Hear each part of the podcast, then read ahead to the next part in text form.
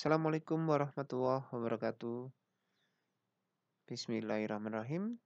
Halo teman-teman sekalian. Sesi kali ini kita akan bahas tentang pajak sebagai alat penerimaan negara.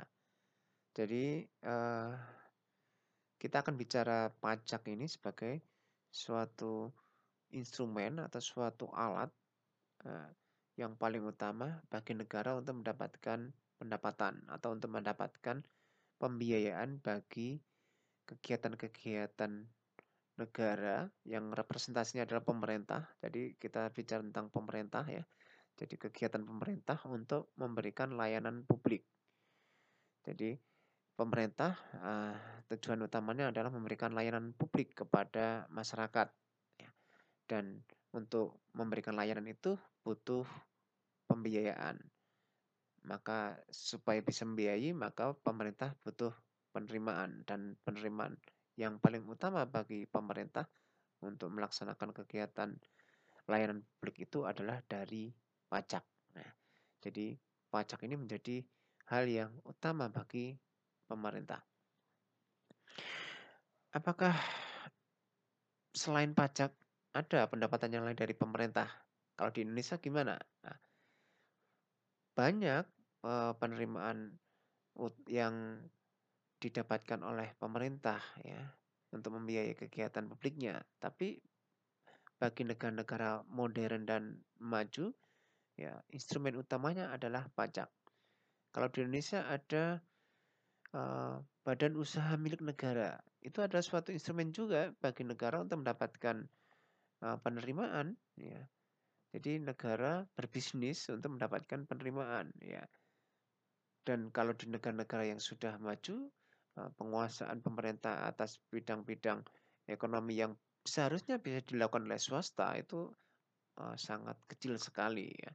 Jadi pemerintah memiliki BUMN sebagai lembaga pengelola usaha kegiatan ekonomi. Kalau di negara-negara maju itu hanya pada bagian-bagian yang sifatnya sangat-sangat-sangat strategis ya dan yang berkaitan dengan usaha-usaha keamanan dan pertahanan negara saja. Tapi kalau pada bidang-bidang yang bisa dikelola oleh swasta, maka seharusnya pemerintah memang tidak ikut campur di dalamnya. Nah, Indonesia, pemerintah Indonesia memiliki BUMN. Nah, pemerintah Indonesia memiliki sumber-sumber pendapatan yang lainnya. Ya, yang paling kita sering dengar adalah misalkan utang. Nah, utang sebagai cara atau instrumen uh, pendapatan negara pendapatan pemerintah. Ya. Tapi kita sesi ini akan bicara tentang pajak ya. Jadi pajak sebagai instrumen utamanya.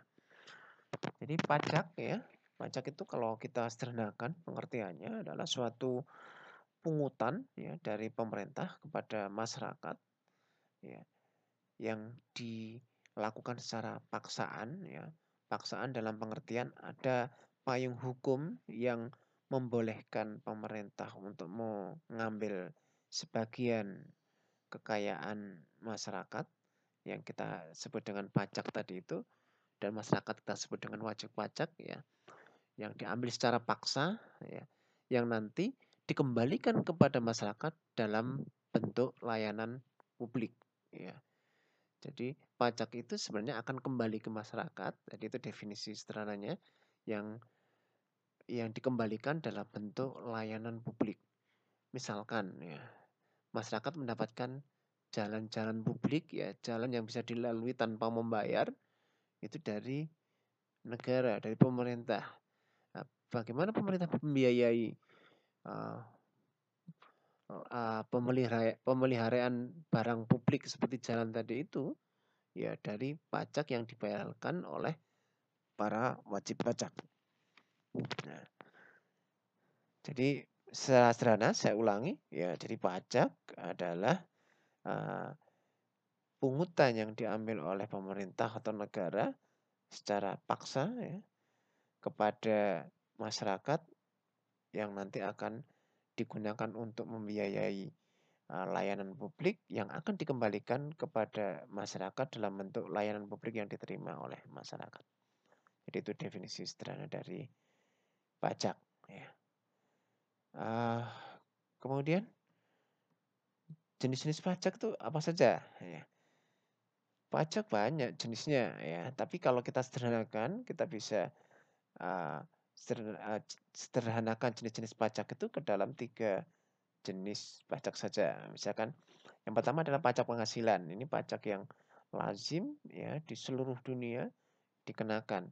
Jadi setiap orang, setiap badan yang menghasilkan penghasilan, menghasilkan pendapatan, maka mereka akan dikenakan pajak. Jadi pajak penghasilan bisa terjadi atas orang perorangan, bisa juga terjadi atas uh, perusahaan, nah, corporate.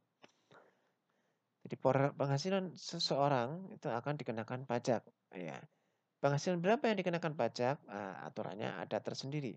Ada penghasilan yang nanti tidak dikenakan pajak atau pajak atau penghasilan yang tidak kena pajak. Ya.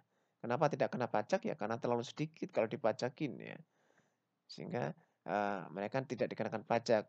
Uh, asumsinya, hitungannya adalah bahwa orang yang tidak kena pajak tadi itu dari penghasilannya adalah penghasilan dari seseorang tadi itu habis untuk digunakan untuk mengkonsumsi kebutuhan-kebutuhan primer uh, wajib pajak tersebut. Sehingga tidak ada sisa yang kemudian uh, bisa diambil negara untuk membayar pajak pajak juga eh, penghasilan juga dikenakan pada perusahaan. Ya, perusahaan. Jadi corporate di mana corporate tadi itu menghasilkan penghasilan ya bagi perusahaan. uh, pajak juga yang kedua ya pajak atas kekayaan. Ya. Jadi kalau yang pertama tadi adalah penghasilan, ya penghasilan itu yang dihasilkan dari kegiatan ekonomi. Ya, kalau yang kedua ini adalah pajak atas kekayaan. Jadi pajak atas sesuatu yang dimiliki, kekayaan yang dimiliki. Ya. Jadi misalkan uh, kita memiliki kebun, kita juga bekerja sebagai pegawai. Ya, bekerja sebagai pegawai dapat penghasilan, maka penghasilan sebagai pegawai tadi itu dikenakan pajak penghasilan. Tapi karena kita memiliki kebun, yang kebun tadi itu menghasilkan sesuatu, ya, maka kebun tadi itu juga dikenakan pajak penghasilan kebun. Karena kebun adalah kepemilikan yang memiliki nilai nilai jual atau uh, nilai yang bisa diuangkan, maka kebun itu juga dikenakan pajak. Ya. Jadi pajak atas kekayaan berupa apa? Berupa kebun, misalkan seperti itu. Jadi itu pajak atas kekayaan. Kalau sebagai pegawai berarti pajak penghasilan kebun yang menghasilkan nah, kalau dikelola oleh seseorang maka dianggap pajak penghasilan perorangan. Tapi kalau dikelola oleh suatu badan usaha tertentu maka badan usaha tertentu tadi itu juga dikenakan pajak penghasilan atas pengelolaan kebun. Tapi aset kebunnya sendiri juga ada pajak namanya pajak atas kekayaan kepemilikan kebun. Nah, jadi bisa dalam satu kegiatan ekonomi uh, ada beberapa jenis pajak yang diambil atau dikolek. Kemudian yang ketiga adalah pajak atas konsumsi. Jadi pajak atas apa yang dikonsumsi atau di, dipakai oleh seseorang atau oleh badan. Jadi misalkan pajak penjualan ya, pajak cukai gitu. Kita membeli pasta gigi Ya, maka ketika kita membeli pasta gigi, kita dikenakan pajak mengkonsumsi pasta gigi. Ya. Menggunakan pasta gigi, maka dikenakan PPN berapa persen. Kita makan, ya makan di restoran, makan makanan, maka karena kita makan, kita dikenakan pajak konsumsi karena makan tadi itu, dan seterusnya. Jadi ada tiga jenis pajak yang ya bisa diambil dari masyarakat. Ya, implementasi dari tiga pajak ini bisa bermacam-macam jenisnya ya. Bisa namanya dari masing-masing jenis ini bisa banyak ya. Dan seterusnya. Oke. Uh, teman-teman sekalian, jadi pajak ini ya karena dia adalah suatu uh, pungutan, maka mestinya pungutan itu itu memiliki karakteristik yang uh, yang tidak mem, mem, menjadikan yang memungut tadi itu, yang dipungut tadi itu ya masyarakat itu menjadi uh, terbebani atau sangat terbebani oleh pungutan tersebut. Maka di dalam pajak itu ada beberapa karakteristik yang karakteristik yang harus dimilikinya. Ya. Paling tidak ada lima karakteristik yang harus dimiliki oleh pajak atau oleh suatu sistem pajak. Dan ketika itu tidak dimiliki oleh suatu sistem pajak atau oleh jenis pajak tertentu, maka sebenarnya pajak ini telah kehilangan dari uh, filosofi awal kenapa pajak itu dikenakan. Jadi lima karakteristik itu harus ada di dalam suatu sistem pajak. Apa lima karakteristik itu? Yang pertama bahwa pajak itu harus menghasilkan suatu efisiensi ekonomi.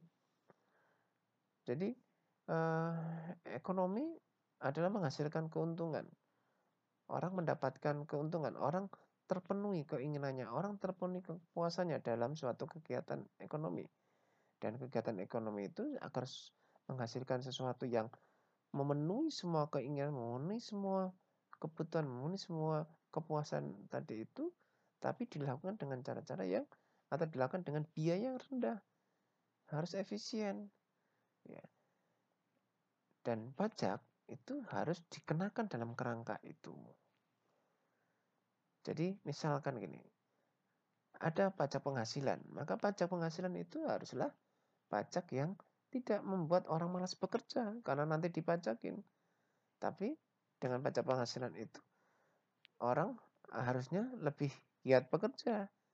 Ya, sehingga kemudian uh, pemerintah bisa mengoleksi pajak penghasilan dengan lebih banyak. Ya, misalkan seperti itu.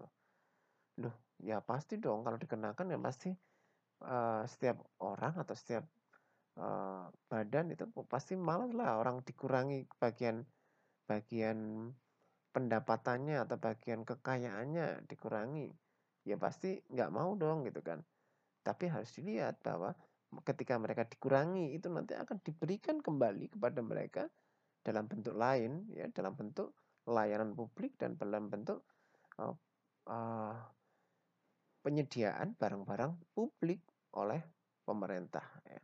Kita sudah bahas tentang barang-barang publik.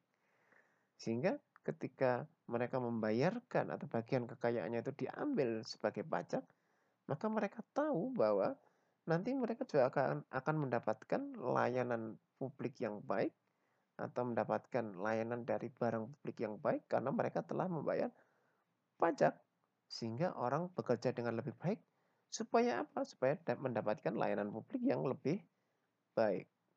Ya, dengan cara seperti itu maka efisiensi ekonomi itu menjadi menjadi tercapai.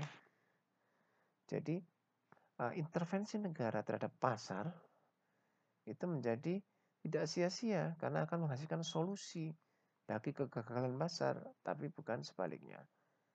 Jadi karakteristik pertama dari, dari suatu pajak itu harusnya menghasilkan efisiensi ekonomi. Contoh selanjutnya misalkan kita tahu, kita sudah bahas tentang eksternalitas. Eksternalitas, apalagi yang negatif, ya pasti akan menghasilkan uh, sisi negatif atau impact negatif atau pengaruh negatif pada pihak lain yang mendapatkan uh, efek negatif dari eksternalitas. Ya, berarti pasar tidak efisien karena ada yang yang tidak diuntungkan dari kegiatan ekonomi yang berlangsung. Maka ada intervensi dari pemerintah maka kemudian pemerintah mengenakan pajak. Pajak kuratif, pajak yang me memperbaiki keadaan itu. Jadi penghasil eksternalitas negatif dikenakan pajak untuk diberikan kompensasinya kepada pihak yang mengalami atau terkena dari dampak negatif dari eksternalitas negatif tadi itu. Nah, di situlah kemudian ada keadilan ya. Jadi karakteristik yang kelima yang terakhir adalah keadilan. Jadi ada keadilan ekonomi karena ada pihak yang dirugikan tapi kemudian dikompensasi.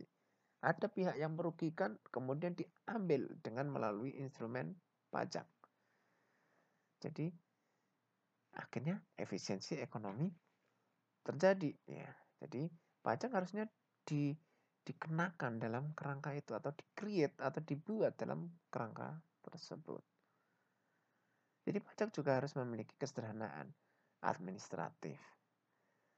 Ya, karena kalau tidak memiliki kesederhanaan administratif, ya, maka nanti pajak itu kan butuh effort, butuh usaha untuk mengambilnya.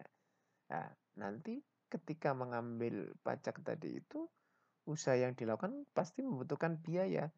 Dan jika biayanya lebih mahal daripada apa yang dihasilkan dari pengambilan pajak tadi itu, ya maka akan menghasilkan beban negara atau beban pemerintahan.